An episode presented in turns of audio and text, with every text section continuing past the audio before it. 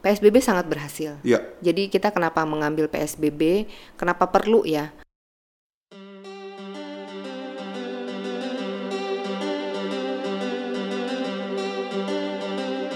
Selamat datang di podcast Outbreak.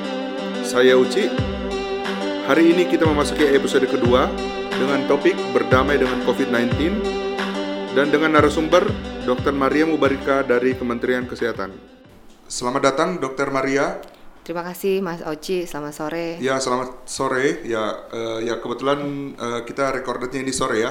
Mungkin teman-teman dengarnya eh, kapan saja. Jadi eh, kami dari LK2PK hari ini eh, kembali di podcast Outbreak eh, dengan topik eh, dengan berdamai, berdamai dengan COVID-19 ya. Kita masuk ke beberapa bulan sejak eh, kasus COVID yang awal.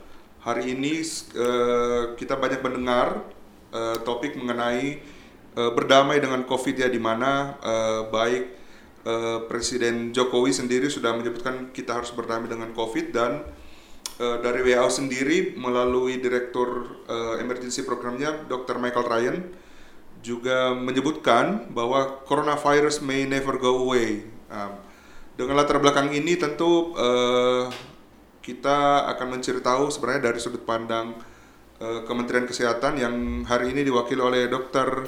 Maria Mubarika selaku staf khusus Kementerian Kesehatan, Dokter ya. Ya. Ya. Eh, ya, jadi eh, pertama-tama kita pengen tahu sih bagaimana sebenarnya situasi eh, COVID hari ini, dokter baik eh, penanganannya baik di Indonesia maupun secara global. Ya, terima kasih Mas Oci. Jadi kalau kita membahas COVID, eh, yang pertama-tama kita harus menyamakan persepsi dulu. Ya, ya bahwa eh, COVID-19 ini yang di Indonesia out, eh, outbreaknya mulai diumumkan tanggal 2 Maret adalah infeksi emerging disease ya, ya. Ya. Jadi infeksi yang baru ya. new emerging ya. New emerging disease, maaf ya. Eh, mulai di pertama kali di Tiongkok sekitar bulan Desember. Desember ya. Desember 2019 kemudian menyebar. Memang eh, masyarakat Indonesia pertama kali memahami eh, COVID-19 ini eh, dari berita-berita, dari eh, sharing-sharing sosial media eh, yang terjadi apa yang terjadi di eh, China ya. Jadi betul. pertama Di Wuhan, betul. di Iya. Wuhan gitu. Eh, dan ketika COVID-19 ini menyebar di seluruh dunia, eh, maka WHO menetapkan bahwa ini sudah masuk eh, fase pandemi. Betul. Itu hanya beberapa hari setelah masuk di Indonesia. Iya. Ya, jadi karena ini infeksi baru, eh, setiap negara itu sebenarnya learning by doing ya. Hmm, hmm. Jadi mana sih penanganan yang terbaik itu eh, sambil berjalan, sambil dipelajari, para saintis juga bekerja keras setiap hari untuk memecahkan misteri dari infeksi COVID-19 ini. Ya, karena eh, pedoman dari Kemkes sendiri itu eh, selalu ada revisinya, Dok ya. Ya benar, karena Kemkes berpacu eh, mengacu juga kepada WHO. WHO sendiri dokumen-dokumen yang disebarkan ter- terkait protokol dan lain-lain merupakan living dokumen. Oke. Ah, oke. artinya hidup selalu terus. ada update Ya, saat. mungkin kita ingat kasus eh, masker. Ya, Waktu awal, eh, kenapa WHO tidak mewajibkan masker? Ya. Ya, karena saat itu dipelajari bahwa penyebaran infeksinya melalui dro- droplet Ya. yang berjarak 1,8 meter, Meter, ya, betul. 1 at- sampai 2 meter gitu. ya, Nah, eh, physical distancing waktu itu dijadikan pedoman utama ya betul. selain cuci tangan dan disinfeksi. Tetapi ternyata keberhasilan dari physical distancing itu rendah. Iya, Ya, karena rendah untuk eh, supaya tujuan-tujuan eh, sampainya droplet dari orang satu dan orang lain itu terhambat, maka ditambahkanlah kewajiban untuk masker. masker betul Iya. ya. Eh, Jadi- kita ingat juga memang kewajiban masker ini belakangan, Dok ya di tengah-tengah Belakangan ya. pada saat terjadi eh, pandemi baru oh wajib masker. wajib masker Ya. karena eh, nah itu bukan saja bukan saja karena kita lebih memahami masalah perubahan karakteristik virusnya ke- eh, kebetulan sih untuk masalah droplet ini nggak banyak berubah Ya. tapi yang berubah adalah pemahaman kita terhadap kepatuhan masyarakat menjalani aturan. Hmm, Karena ya, dia betul, gagal pakai masker, eh dia gagal physical distancing, maka diwajibkanlah masker. Ya, ya. Nah, masker itu artinya melockdown hidung dan mulut supaya droplet itu tidak keluar. ya. ya. melockdown area mulut dan hidung ya. Ya, jadi kan Oke. penularan cuma dua. Yang satu secara langsung yaitu dari eh, orang ke orang ketika berbicara, dia batuk, dia bersin, Hmm, makanya harus di lockdown dengan masker. Atau kedua, ketika dia bicara atau bersin, dia menempel di permukaan-permukaan surface. ya. Itu secara tidak langsung. Sebenarnya cuma dua itu prinsip. Kalau kita memegang prinsip itu, kita juga bisa. Nah, makanya eh, kalau kita memahami kalau ini adalah infeksi baru dan semuanya sebenarnya learning by doing, Ya. mestinya semangat spirit yang hadir di masyarakat Indonesia adalah mencari tahu misteri COVID-19 ini, Hmm. mencari tahu apa yang terbaik, apa Ya. yang eh, bisa diambil oleh eh, masyarakat Indonesia yang terbaik, kebijakan yang terbaik agar kita eh, selamat dari infeksi-infeksi eh, penya- infeksi-infeksi COVID-19 ini, ya gitu. Iya, iya. Eh, kalau de- di kan seperti dokter Maria bilang tadi juga dari WHO sendiri juga eh, dokumennya itu bersifat eh, dinamis, dinamis dok ya, dan selalu berubah seiring waktu. Oh, Bukan berubah, sorry ya, selalu ada update kita bilangnya selalu ada update. Kalau yang terakhir seperti apa dokter yang eh, mereka sarankan terkait eh, berdamai dengan eh, COVID ini? Apakah sudah dalam bentuk dokumen atau masih berupa eh, ada official letter atau seperti apa?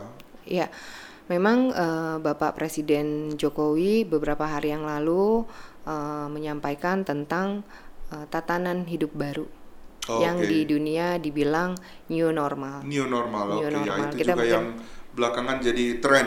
jadi tren Yes. gitu.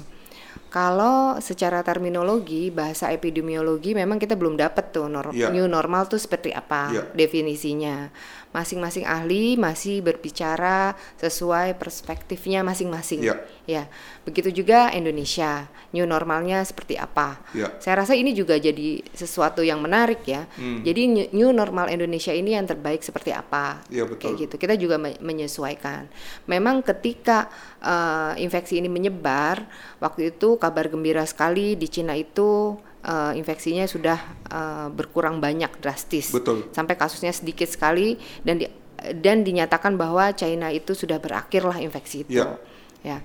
Kemudian eh, muncul lagi di, berba- di berbagai Hmm. Muncul neg- lagi itu maksudnya kasusnya eh, kasus Ada baru lagi. ada lagi. Kasus lagi, baru ah, atau baru. ada reinfeksi juga dok yang kita eh, baca ya. kasus kasus baru sebenarnya. Kasus baru sama Kasus- sekali. Oh, yang reinfeksi malah belum terkonfirmasi ya. Eh, reinfeksi belum terkonfirmasi. Oke, Jadi oke. yang Jadi- didapati itu reinfeksi itu adalah eh, artefak dari virus itu sendiri yang Oh, masih oke, ada oke, gitu. Sebenarnya tidak hilang sama sekali ya. Ya, Oke, jadi baik. dia tidak aktif tapi Malah masih terambil. reinfeksi padahal sebenarnya dia Ya, itulah makanya berkembang kan. Oh, oke, oke, jadi oke. riset-riset itu berkembang. Makanya disebut dokter Maria tadi saya ingat dua kali menyebutkan COVID ini berupa misteri, yang di mana kalau di eh, di sains eh, kita jarang atau malah tidak dealing dengan misteri sebenarnya kan ya karena kan eh, sains kita tahu harus eh, ada bukti, ada yang pasti begitu. Tapi eh, dengan sifat COVID-19 ini yang new emerging jadi tentu masih banyak sekali yang eh, kita pelajari hal-hal baru ya, Dok. Ya, betul. Itu adalah tantangan. Misteri itu adalah tantangan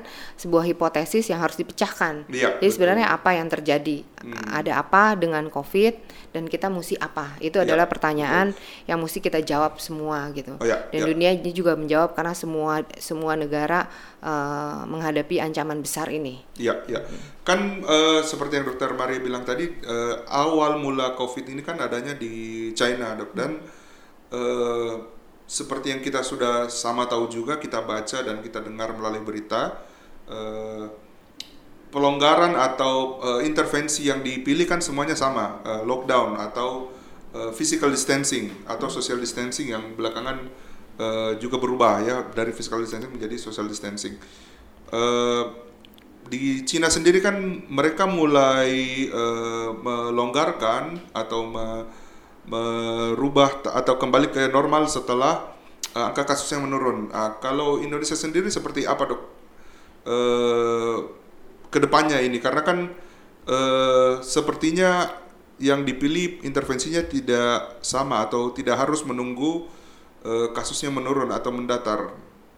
Ya, jadi begini, uh, memang uh, kita punya undang-undang karantina kesehatan ya, ya. asal mulai dari itu. Sebenarnya belum lama ya sebelum COVID ini muncul 2018, kita 2018 ya. kita udah mengeluarkan undang-undang karantina kesehatan. Ya karena kita negara hukum ya, ya. ada jadi ada regulasi terkait juga tata laksana dan uh, implementasi di lapangan. Uh, ketika COVID ini muncul, maka pemerintah mengeluarkan peraturan presiden. Ya. Ya, setelah itu dikeluarkanlah Permenkes terkait ya. dengan uh, sebenarnya yang terbaik itu apa sih untuk COVID? Apakah total lockdown, ya. ataukah karantina, hmm. ataukah PSBB? Itu semuanya PSBB, ada ya, ada di undang-undang ya terkait ya. karantina dan uh, PSBB gitu.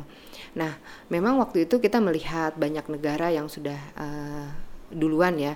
Kita kebetulan belakangan kita Maret baru muncul, jadi kita banyak belajar juga kisi-kisi dari negara lain. Okay. Ada negara yang memang uh, melakukan total lockdown. Yeah. Ada negara juga yang tidak melakukan uh, pembatasan yang total. Total ya, parsial. Jadi parsial, hanya ya. beberapa saja yang memang dibatasi seperti pertemuan-pertemuan ya. uh, yang sifatnya banyak. Ya, ya. Kemudian juga acara-acara yang tidak perlu kayak diskotik, bar hmm. dan lain-lain semua ditutup. Ya, ya. Terus pembatasan-pembatasan penerbangan. Ya. Jadi uh, uh, setiap negara tuh berbeda-beda lah di dunia itu. Ya. Nah, uh, kemudian uh, bangsa Indonesia uh, mempelajari apa sih yang terbaik buat Indonesia hmm. dan kita menetapkan yang namanya PSBB. PSBB uh, betul. Pembatasan sosial, sosial berskala, berskala besar. besar gitu. Ya.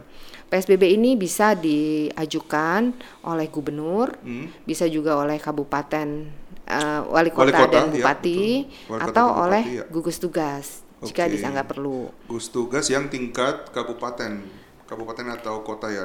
Ya, jadi ya. di, jika dianggap perlu, maka dia bisa uh, ini ya mengajukan, meminta mengajukan, mengajukan untuk Kementerian Kesehatan ya, ya. mengajukan untuk uh, Kementerian Kesehatan.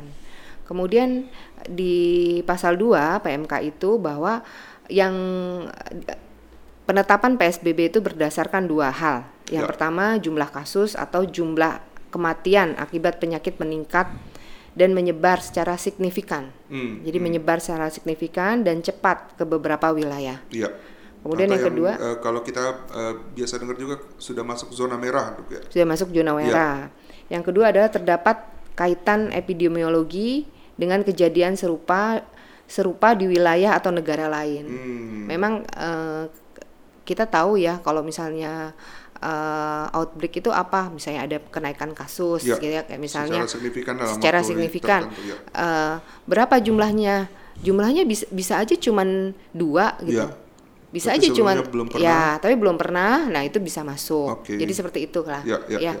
nah uh, Indonesia memilih PSBB ya. karena kita sudah mereview beberapa negara kemampuan juga dari masyarakat Indonesia uh, bagaimana ya. dan yang terpenting adalah uh, karakteristik dari virus itu sendiri. Mm -hmm. Jadi berdasarkan itu kita memilih PSBB.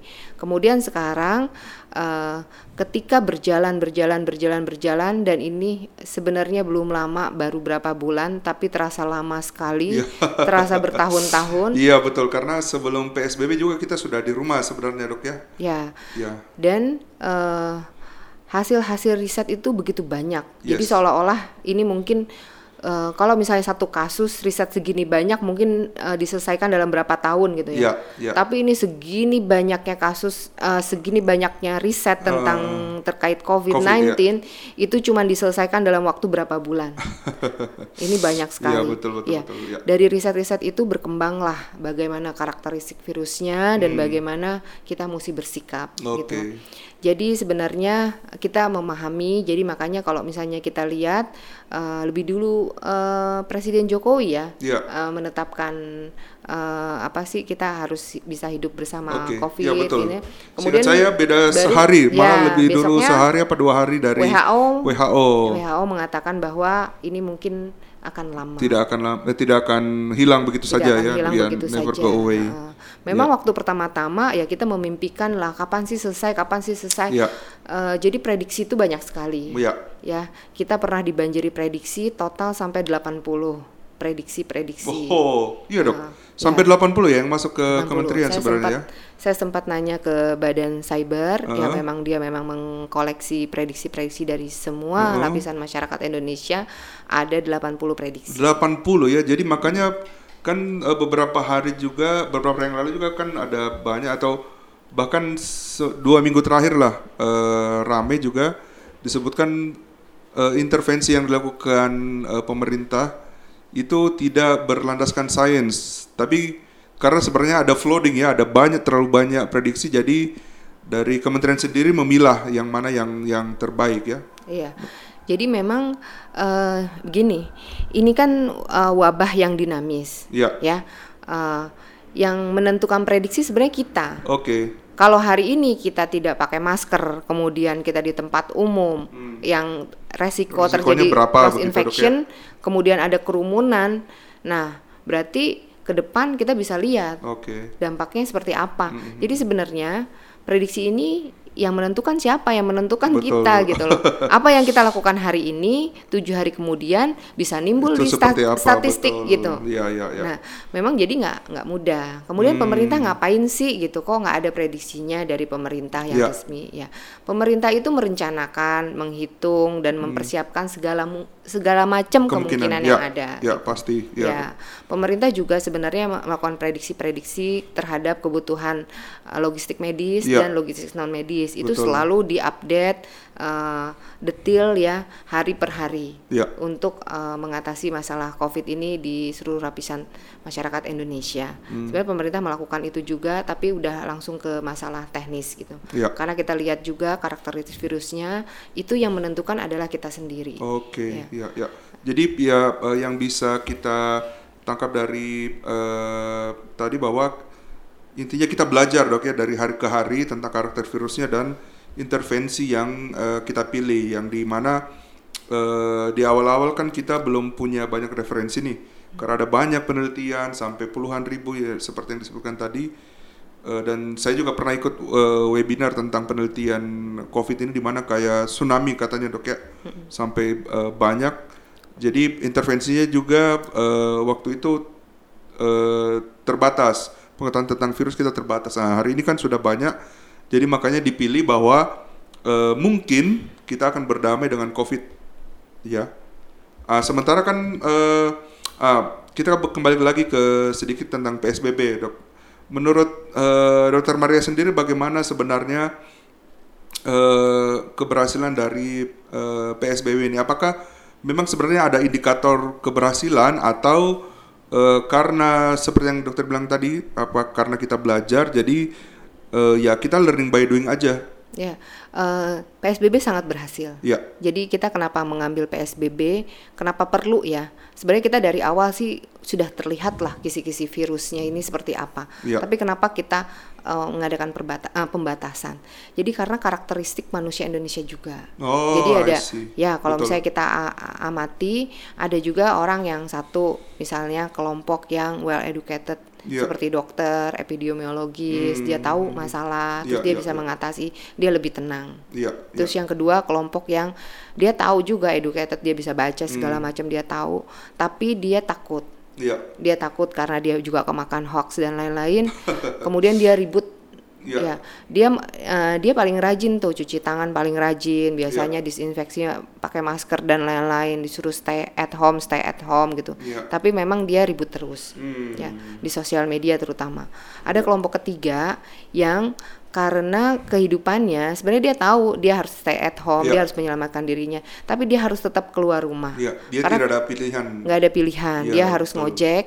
Eh, saya juga Misalnya, ya, betul. kalau nggak ngojek anak istrinya nggak makan, Iya, betul. dia harus eh, ke pasar jualan, Hmm. dia harus bekerja.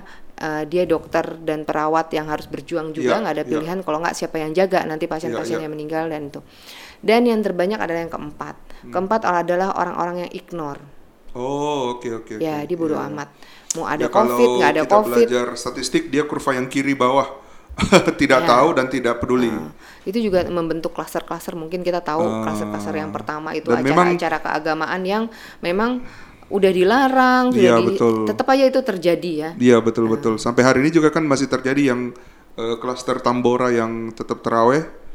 Eh, kemudian kejadian yang di sidoarjo sudah tahu pasiennya meninggal karena covid tapi malah eh, di tata laksana dibuka dan seterusnya dok ya. Ya.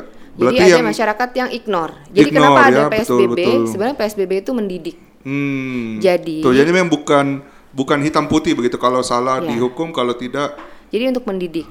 Jadi Oke. menyadarkan bahwa hey, kita sekarang lagi di alam yang berbeda. yes.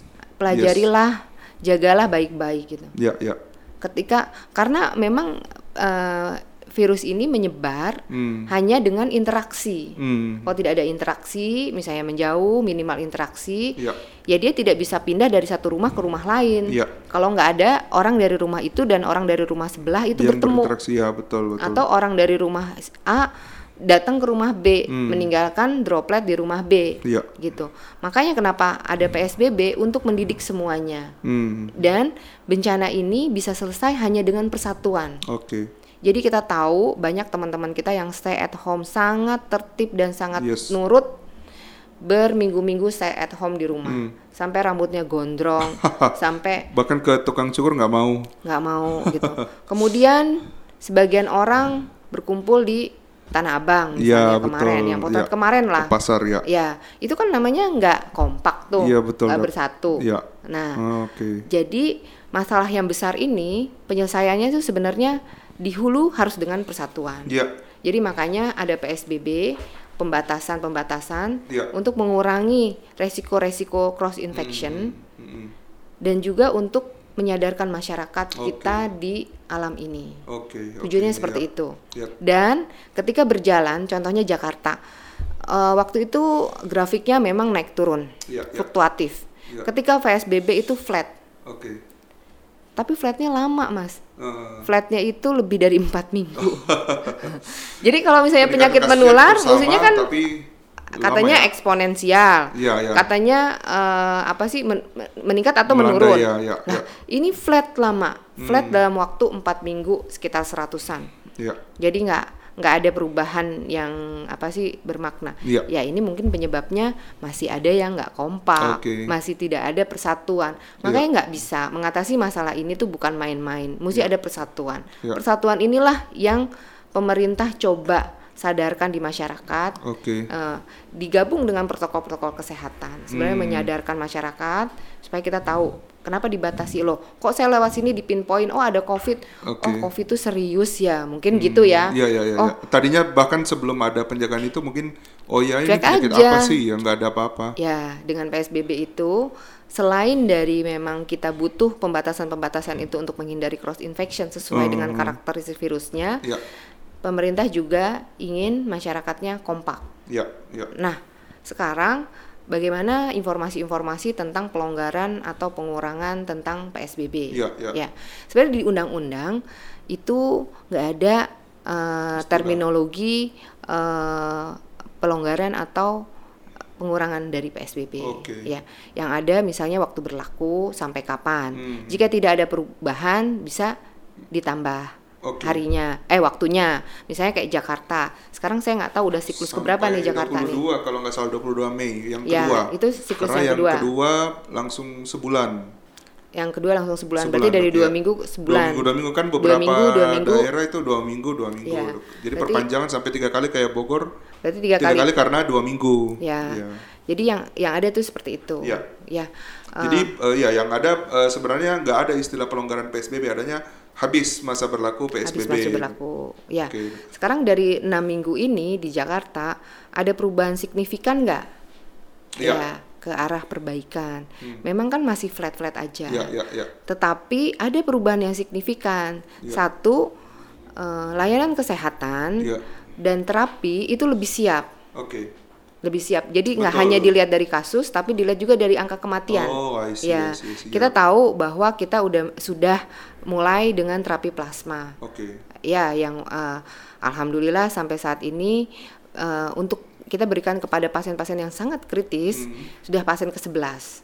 Oke. Ya, kalau- Dan angka keberhasilannya cukup baik. Ya, eh, ya memang nggak bisa dibilang berhasil 100% karena yang buruk itu kondisinya dia semua dengan komorbid. Oh, Oke oke oke. Nah, ya. Tapi Makanya dia semakin, semakin survive. lagi ya, tapi ya. dia survive melalui COVID. Oke. Ya. Ya ya ya. Uh, nah itu uh, adalah berita yang kabar gembira Ya, ya. ya, ya. Ya, kemudian kita lihat di rumah sakit-rumah sakit juga uh, tidak penuh, tidak, tidak overload, full, ya, tidak overload gitu Oke. loh. Penanganan pasien juga lebih baik Ya, gitu. betul. Kemudian kalau yang masyarakat karena sehat dia dia berusaha supaya imunitasnya bagus, kemudian juga uh, pola hidupnya bagus, Ya. cuci tangan dan disinfeksinya teratur sehingga uh, jumlah orang sakit juga berkurang. Berkurang, Jadi bukan oke. hanya jumlah uh, Yang sakit berhentinya PSBB bukan hanya uh, kasus. Kenaikan kasus Ya. atau penurunan kasus, tapi ada pengurangan PSBB angka jadi- kematian. Nah, penanganan tata laksana dari kesehatan yang Oke. jauh lebih baik Iya, sekarang. betul, betul, Nah, ya. betul. Kita bisa rasakan ya. Betul, Kita bisa buktikan betul. juga ini. Iya betul betul. Ya. Betul ya. Saya kira sebenarnya diskusi tentang eh, jumlah pasien di layanan kesehatan itu kalau tidak salah juga saya menonton bahkan dua minggu yang lalu dok Hmm. memang sudah ada penurunan seperti di persahabatan di RSPI kan Oh iya, beberapa bed itu sudah mulai kosong. Betul. Kalau di Jakarta itu sebelumnya signifikan. awal-awal penuh ya. Yes, di Jakarta itu sangat signifikan. Tapi kenapa kalau kita lihat grafik kok angka kematian Indonesia naik-naik Naik. terus Iya, gitu iya, kan? Naik iya. turun naik turun kadang-kadang 18, pernah juga eh, apa sih lebih rendah dari itu, Iya. tapi pernah 60, tapi Iya. pernah 59 belum lama ini ya? gitu ya, per hari Per ya. iya. Kenapa? Karena Indonesia ini 17.000 pulau. Iya. Jadi memang penyebarannya nggak rata. Hmm. Jadi kalau dilihat Indonesia ya nggak bisa itu jadi patokan. Iya, Ada iya. yang berhasil seperti mungkin kayak di Vietnam, kayak Iya, Bali iya. itu kan udah nggak nunggu-nunggu lagi betul. gitu kan. Tapi ada juga mungkin yang flat kayak seperti Jakarta, tapi Hmm. angka kematiannya dia lebih tertata laksana dengan baik. Oke. Ada daerah yang baru muncul, di situlah mulai angka kematiannya karena dia belum ada belum ada terapi plasma, belum Iya. belum ada bank Belum imunitas ya, dan betul, lain-lain betul, gitu betul. loh. Jadi memang kalau digabungkan kadang-kadang Indonesia bisa naik turun naik turun naik turun yang membuat masyarakat itu jenuh. Jadi masyarakat Iya, mesti betul. mesti memahami kita melihat Betul, betul, daerah apa gitu loh. Iya, kalau iya. kita ngomongin PSBB ini daerah mana? Hmm. Karena penetapan PSBB itu dilakukan berdasarkan kota atau kabupaten Iya. atau provinsi. Iya, iya. Jadi nggak nggak ditetapkan langsung Indonesia. Jadi kita juga nggak Hmm. bisa melihat Indonesia. Inilah jangan kita berdebat di eh, apa sosial media yang menyebabkan Ya. kita bertengkar sama hal-hal sebenarnya yang yang nggak bisa didebatin. Ini kan Iya, memang betul. memang eh, nggak nyambung jadinya. Iya, Sesuatu betul, yang nggak nyambung betul, gitu. betul, betul. Karena ya. memang dinamika dinamika penyebar luasan eh, penyakit ini kan berbeda-beda di tiap daerah dan betul. Eh, ya tentu be- berdasarkan by cluster kita tahu By secara cluster. garis umum tapi eh, naik turunnya itu kan juga eh, sangat berbeda Iya. ya di beberapa daerah. Ya oke. Eh, tadi dokter juga sudah menyebutkan tentang protokol kesehatan. Nah ini kan juga banyak diulang-ulang oleh eh, oleh eh, ya baik eh, wawancara eh, para eh, para pakar eh, perwakilan dari pemerintah juga bahwa eh, berdamai dengan COVID ini bukan berarti eh, kita menyerah, tapi kita akan hidup berdampingan dengan eh, menetapkan protokol kesehatan. Ah, bagaimanakah yang dimaksud dengan eh, protokol kesehatan ini, dok? Apakah eh, ada semacam eh, juknis tertentu atau sebenarnya kita sudah tahu dan kita sudah praktekkan selama ini, tinggal diformalkan? Iya betul. Jadi protokol kesehatan itu ada yang secara individu. Ya, Ya, individu ya pasti kita semua sudah hafal. Bahkan mungkin anak TK juga sudah hafal. Dari mulai memakai masker, Iya. mencuci tangan, disinfeksi, eh, dan menjaga imunitas. ya, ya, Ada juga protokol kesehatan yang harus dilakukan oleh pengelola tempat. ya, ya. Misalnya rumah makan, Oke. misalnya sekolah, Kantor bank, misalnya, ya. kantor, Ya. eh, dan lain-lain, bandara dan lain-lain, Hmm. gitu. Jadi memang eh, protokol kesehatan itu bukan hanya individu, Ya. juga ada dari pihak. Nah, Ya. itu kita akan bikin juknis. Oke. Ini lagi on progress, mungkin Oke. eh, beberapa hari lagi selesai. Nanti Oke. eh, dari pemerintah sedang ya, disiapkan memang ya jadi Sedang disiapkan. Sebenarnya udah lama disiapkan. protokol kesehatan Ya. eh, untuk yang eh, formal untuk Ya, Pokoknya misalnya sekolah, ya, orang, ya. misalnya sekolah nanti misalnya set- setiap hari berapa kali disemprot disinfeksi, Hmm, oke, kemudian eh, disinfeksinya pakai apa? Oke. Yang masyarakat mampu tapi aman, juga tidak eh, merusak tubuh dan eh, lingkungan gitu. Iya, iya, nanti iya. di disampaikan oleh eh, Kementerian Kesehatan Iya. kepada gugus tugas, nanti mungkin gugus tugas akan mengumumkan protokol Menyebarluaskan, ya. menyebarkan Oke, oke, protokol baik. kesehatannya itu apa. Baik, oke. Jadi ya, jadi sebenarnya seperti yang disampaikan Dokter Mera tadi, kalau di tingkat individu kita semua sudah tahu seperti apa protokol kesehatan itu dan sudah kita jalankan ya, seperti pakai masker, pakai hand sanitizer, menjaga jarak eh, dan menjaga daya tahan tubuh ya. Ah, tapi untuk panduan-panduan di tingkat institusi eh, dalam waktu dekat eh, akan didiseminasikan ya. Ya, eh, kemudian eh, kalau dari eh, sistem eh, kesehatan kita seperti apa dok? Karena kan eh, berdamai dengan COVID ini berarti eh, ya mau tidak mau pasien COVID akan berdatangan. Kalau dulu kan strategi atau di awal-awal strateginya kan oh menunjuk rumah sakit rujukan. Nah jadi pasien yang merasa ada gejala COVID Eh, dan jumlahnya kita tahu belum banyak, itu langsung ke rumah sakit rujukan bisa mengaksesnya.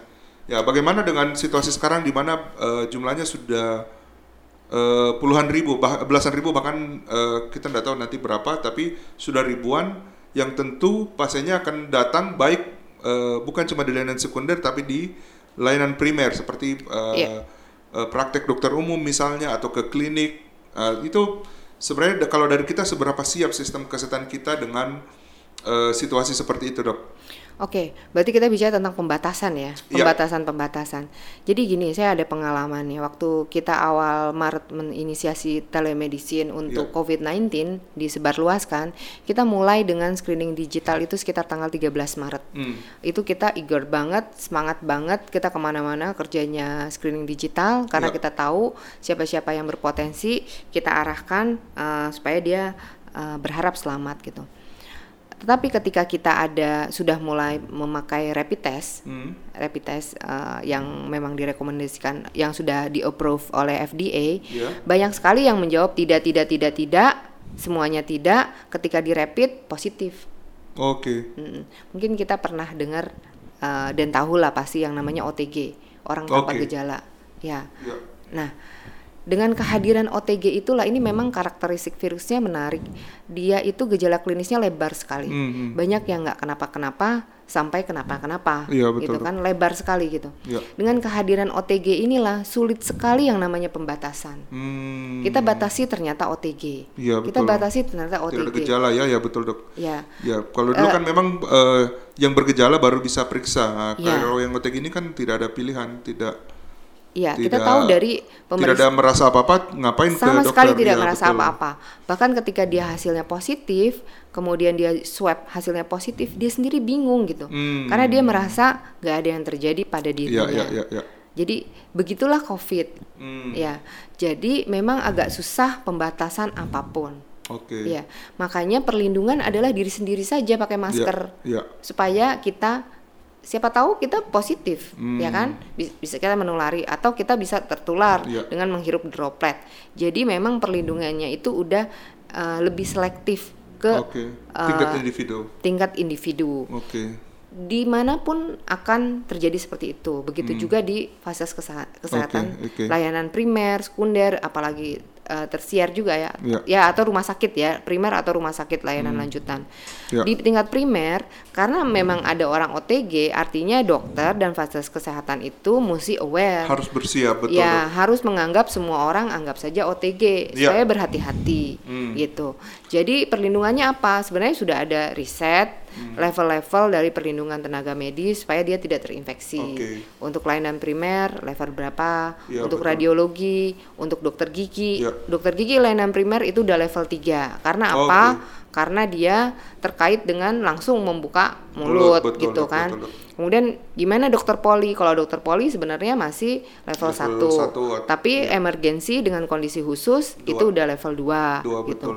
Kemudian Ya, karena kan sesuai eh, dengan waktu di awal-awal kita sempat banyak eh, begitu eh, kejadiannya naik, eh, kasusnya naik, beberapa teman sejawat kan memilih untuk tidak praktek sama sekali atau uh, bahkan teman-teman dokter gigi uh, sampai hari ini pun beberapa masih takut untuk praktek. Dan uh, teman-teman dokter bedah juga uh, bilangnya kalau sifatnya elektif dia tidak mau operasi. Kalau yang situ baru dia uh, mau. Uh, kan berarti dengan dengan adanya uh, berdamai dengan covid ini kan mau tidak mau uh, mereka bukan mau tidak mau sering jadi uh, para dokter ini bis, uh, bisa bisa uh, melakukan pelayanan kesehatan seperti uh, biasa dok ya tapi tentu dengan peningkatan kewaspadaan seperti yang dokter Iya. uh, Maria bilang tadi Bisa, semua kegiatan bisa dilakukan. iya Semua kegiatan bisa dilakukan asalkan kita beradaptasi. oke Iya. Dan yang terpenting sebenarnya yang terpenting ini sebenarnya dari awal, dari Hmm. awal uh, pemerintah udah uh, bersikap uh, untuk uh, hal satu ini yaitu melindungi yang rentan. oke melindungi yang rentan karena uh, ketika bulan Februari itu sudah jelas tanda-tandanya Iya, iya, iya. bahwa orang-orang yang meninggal yang tidak tahan dengan COVID adalah orang-orang yang rentan. Iya. Di mana orang-orang rentan itu biasanya orang tua, kemudian dia punya penyakit Iya. uh, komorbid komorbid. penyakit bawaannya Ya, jadi itulah yang kita jadikan prioritas. oke Kalau orang-orang yang sehat eh, banyak sekali sekarang saya mendampingi teman-teman telemedicine untuk melakukan rapid test di berbagai Iya. macam tempat itu hasilnya lebih banyak IgG. Jadi Oke. daya tahannya udah daya tahan yang jangka panjang ya, Oke. yang udah imun Hmm. gitu. Eh, dan dia juga kaget, dia nggak pernah, pernah merasa sakit, tapi di tubuhnya sudah ada kekebalan hmm. gitu. oke Jadi kalau untuk orang sehat sebenarnya tidak ada masalah. Oke. Cuman yang masalah di Indonesia adalah orang itu nggak tahu kalau dia sakit. Iya. Jadi Iya, betul, betul, angka iya. dia, angka diabetes kita yang bisa kita jerat uh, sekuat tenaga itu masih sekian persen diduga sekian persen dari Betul. kasus yang ada. betul Saya kebetulan 17 tahun di emergensi. Hmm. Jadi pasien-pasien yang datang itu dia baru tahu kalau dia diabetes. Oke. Eh, Rumah sakit saya kebetulan menengah ke bawah. Jadi semua mayoritas baru tahu. Pas di tensi baru tahu kalau dia te- hipertensi. Oh. Baru tahu dia diabetes, Iya, baru iya, tahu iya, dia sakit jantung berarti gitu. iya, iya. Nah, Eh, itulah yang jadi masalah. dengan new emerging ini kita masih ada masalah Masalah yang eh, memang kita punya masalah. sebelumnya yang ya. Tidak Kita punya masalah kronis residif yang memang harus diselesaikan. Iya, iya, Tapi iya. ya ini momennya lah. Momennya pemerintah sekuat tenaga men-screening deteksi dini Iya. dan melindungi orang-orang itu. Hmm, Ya. oke Melindungi orang-orang itu jika terkena infeksi dia harus prioritas mendapatkan plasma. Oke. Karena mungkin dia lebih cepat mengalami perburukan. Iya, iya. Jadi dia di- harus dibantu dengan imunitas dari orang yang sembuh. Sehat, iya. Mungkin strateginya Yang sembuh, se- iya. seperti itulah Iya, iya, strateginya iya. supaya eh, menyebar tapi belum berarti sakit. Iya, iya. Sakit belum tentu parah. Iya. Ya. Parah belum tentu meninggal. Iya, Jadi masih iya. banyak tahapannya. Oke. Kita masih bisa memotong di sisi mana. Iya. Penyakit ini mudah menyebar tapi belum tentu terinfeksi. Iya, ya, iya. terinfeksi belum tentu sakit. Iya. Kita bisa potong lagi. Dia terinfeksi kalau imunitas bagus dia nggak sakit. Mhm. Ya kan? nggak bergejala tiba-tiba berimun eh, Iya. imunitasnya bagus. Iya, Kemudian sakit kalau dia eh, langsung diterapi atau dia menjaga imunitasnya juga sebenarnya bisa sendi- Bisa langsung. bisa sembuh sendiri, belum tentu parah. Oke. Nah, kalau parah kita bisa di titik terakhir pun parah pun sudah banyak. Jadi kita memang yang, belum ada yang masih survive dok ya Ya, Iya. jadi dari ri- 5.000 orang yang diterapi plasma di Amerika, Hmm. itu yang udah yang severe ya, yang, Hmm, yang berat. berat. ya. Itu biasanya dia hanya tertolong itu di bawah 40%. oke Sekarang dengan terapi plasma keberhasilannya 85%. Oh, oke Ya. oke itu Ini sebuah harapan. kabar baik Kabar baik. Kabar baik. Apalagi kalau kita bisa deteksi dini baik penyakit Lebih awal lagi ya, comorbid severe, ya. dan COVID-nya. Ya, betul. yang Iya, pertama ya oke. kita nggak tahu kalau dia COVID apa enggak, kita tetap harus bekerja. Pemerintah harus Oke. tetap bekerja menjaring orang-orang yang uh, comorbid. Oke, Ya. ya. Berarti eh, boleh dibilang eh, sistem kesehatan kita eh, mau tidak mau harus siap dok ya. Dan, Harus siap. Dan sebenarnya sudah disiapkan juga ya selama ini dengan dengan dengan protokol dengan panduan pedoman teknis dari Kemenkes sendiri termasuk misalnya di era berikutnya eh, tentang penggunaan APD eh, leveling-leveling tiap spesialis juga harus harus sudah tahu dan sudah eh, harus bersiap dan tentu yang dokter Maria sebutkan tadi tentang eh, penapisan atau screening baik terkait eh, tentang COVID maupun penyakit komorbidnya itu sendiri ya yang Iya, betul. sebenarnya dari awal memang eh, yang seperti kita tahu juga masih PR banget ya jadi eh, baik diabetes, hipertensi kan juga masih masih under record atau masih masih belum banyak yang kita uh, dapatkan. Oke, okay. uh, mungkin ini satu dari yang terakhir dok ya. Uh, uh, bagaimana sebenarnya uh, kekhawatiran tentang terjadinya uh, second wave yang di mana uh, mungkin di beberapa tempat uh, ya beberapa sudah uh, tahu misalnya di di China dibilangnya sudah ada second wave atau tapi juga belum tahu atau Japan yang malah ada beberapa wave ada beberapa pakar juga bilangnya jangankan second wave ini bisa banyak wave-nya. Ya hmm. uh, kita harus sudah bersiap. Ah, seperti apa uh, dari kementerian sendiri merespon tentang hal ini Iya memang kalau dari kementerian sih belum ada stat statement resmi ya masalah second wave uh, di Indonesia. Yeah. Kalau kita lihat dari berbagai dunia, memang yang melakukan lockdown kemudian berhasil seperti China gitu yeah. kan, Korea Selatan gitu, dia udah dianggap uh, bersih gitu okay. ya. Kemudian ada lagi, itulah yang dia bilang second wave. Oke. Okay. Tapi untuk beberapa negara seperti Swedia, hmm. sebenarnya pembatasannya hanya pembatasan uh, penerbangan. Ya, hmm. Ya tai, uh, Taiwan juga ya pembatasan penerbangan dan kumpul-kumpul yang tidak perlu. Kemudian juga beberapa eh, kegiatan-kegiatan uh, yang dianggap uh, tidak usah dilakukan tidak dilakukan. Tapi ya. dia masih sekolah, dia masih bekerja dan lain-lain itu ya. dia nggak dia nggak merasa ada second wave. Ya. Karena dia dia dari awal udah new normal sebenarnya. Hmm. Kalau dari awal udah new normal ya dia nggak membicarakan masalah second wave. Dia anggap memang ap, ap, apakah ada second wave? Hmm. Ya dia berjalan seperti itu aja okay. gitu. Jadi okay. memang nggak naik turun karena itu. Memang waktu pembatasan-pembatasan ketat di setiap negara itu memang spiritnya adalah karena melindungi yang rentan. Okay. Supaya Betul. dia dapat rumah sakit Betul. Ketika kasusnya membeludak pada masa yang sama, Artinya penyebaran tidurnya enggak cukup. Ya, dan akhirnya banyak pasien-pasien yang tidak tertolong meninggal. Ya. Kayak misalnya di UGD, mestinya pasien gawat darurat sekali datang uh, full UGD 10 orang, ya. tapi yang datang 30 orang. Pasti perhatian dokter dan perawat dan lain-lainnya kan. dulu. Ya, akhirnya uh, ada yang uh, kurang maksimal lah. Oh, nah, oke, okay. betul betul betul. Overload ini dampaknya juga nggak main-main. Makanya betul. kita dibatasi dengan PSBB dan iya, iya, lain-lain ya, ya, ya. dengan uh, pembatasan yang ketat agar uh, penyebarannya itu nggak langsung eksponensial. Okay. Jadi fasilitas kesehatan kita cukup untuk menangani pasien-pasien itu. Sebenarnya ya. sih utamanya seperti itu. Okay. Saya juga, uh, eh, kita juga belum bisa menyimpulkan apakah sebenarnya ada nggak sih second wave gitu. Hmm, itu masih, betul, dok. itu masih memang statement-statement uh, dari berbagai negara yang ngerasain adanya second wave ketika dia berhasil gitu loh. Iya, betul, Tapi betul, saya betul. kemarin dengar dari seorang saintis di Swedia dia ya. mengatakan bahwa oh ada second wave buat dia hmm. karena memang dari awal Terus dia udah new normal. ya betul uh, sudah normal. Sudah uh, okay. beradaptasi baik.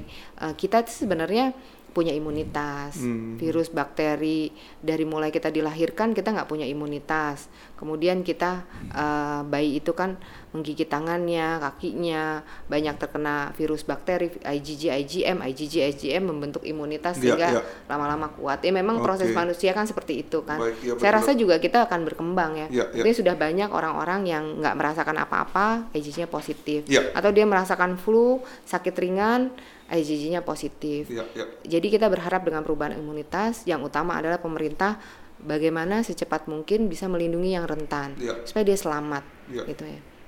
Oke. Ya, uh, begitu barangkali uh, diskusi hari ini dokter terima kasih banyak atas kesempatannya. Uh, mungkin ada closing statement dari dokter Maria uh, terkait uh, bagaimana sebenarnya kita harus memisahkan hidup uh, berdamai dengan COVID-19 di masa yang akan datang. Silakan dok. Iya, uh, saya berharap uh, untuk masyarakat Indonesia tetap menjalankan protokol kesehatan, pakai masker, cuci tangan, disinfeksi, physical distancing, dan menjaga imunitas agar semua masyarakat selamat. Dan untuk orang-orang yang uh, rentan, rajin kontrol ke dokter supaya penyakitnya terkontrol dengan baik ya. dan ketika mempunyai masalah-masalah kesehatan segera berobat agar secepat mungkin masalah-masalah itu uh, bisa diatasi dengan baik gitu. Tidak masuk ke fase yang kritis. Biasanya pasien-pasien yang tidak tertular eh yang tidak tertolong adalah yang telat juga datangnya. Ya, Jadi masalah penanganan cepat itu menjadi kunci gitu. Ke depan kita harus bisa menghadapi uh, perubahan yang banyak ya karena uh, masalah menjadi kompleks dan perubahan itu cepat sekali kita Ya. harus beradaptasi di era pandemi ini Uh, berharap ini banyak berubah kita juga berharap virusnya bermutasi lebih friendly dan lebih baik lagi Hmm. Uh, dan uh, supaya ini tidak men- mendatangkan masalah berikutnya lah Ya. pandemi lain selain kesehatan uh, jika kita mengambil langkah-langkah yang berlebihan atau kurang ya bisa Ya, ya. menimbulkan masalah pandemi yang lain kita menghindarkan itu Ya, ya. dan satu-satunya yang untuk menyelesaikan covid ini adalah sat- persatuan Oke. hanya persatuan yang bisa menyelesaikan Ya. uh, masalah covid Kontribusi di dari dunia semuanya ya, Ya, semuanya. baik di hulu dengan kita kompak Ya. Uh, karena virus yang di benda mati akan mati uh, dalam waktu sekian hari tergantung si virusnya akan ya. mati kalau Ya. tidak ketemu Kalau di dalam tubuh dia juga akan mati dengan imunitas. Jadi Oke. sebenarnya ini bisa saja hilang bisa kalau semua Oke. kompak.